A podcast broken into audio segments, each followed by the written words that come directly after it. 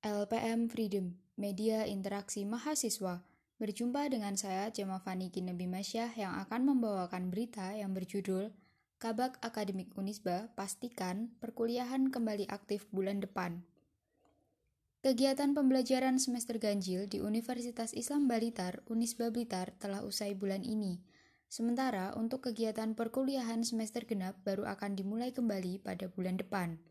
Kepala Bagian Akademik Unisba Blitar, JK Widiatmanta menuturkan, kegiatan pembelajaran semester genap baru akan aktif kembali setelah para mahasiswa mengisi Kartu Rencana Studi atau KRS. Pengisian KRS diberikan jangka waktu selama satu minggu, yaitu 15 Maret sampai 21 Maret 2021. Sedangkan untuk kegiatan perkuliahan akan aktif kembali setelah pengisian KRS rampung. Meskipun kegiatan perkuliahan baru akan aktif kembali di bulan depan, saya mengingatkan para mahasiswa untuk tetap mengembangkan diri dalam kegiatan pendidikan, penelitian, serta pengabdian kepada masyarakat, tuturnya.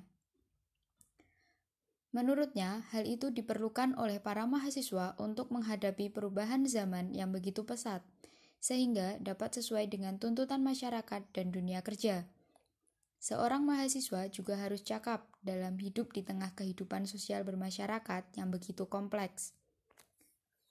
Lulusan mahasiswa dituntut untuk memiliki sikap profesionalitas kerja di bidangnya, sehingga kemampuan pemahaman teori dan pengaplikasiannya menjadi bagian yang tak terpisahkan, serta mampu menyadari realitas yang ada. Jelasnya pada LPM Freedom, Selasa, 23 Februari 2021. Lebih lanjut, dengan mengamalkan ilmu yang diperoleh selama berada di bangku perkuliahan, maka nantinya para mahasiswa akan mendapatkan pengalaman dan berbagai hal baru yang belum diajarkan di bangku perkuliahan.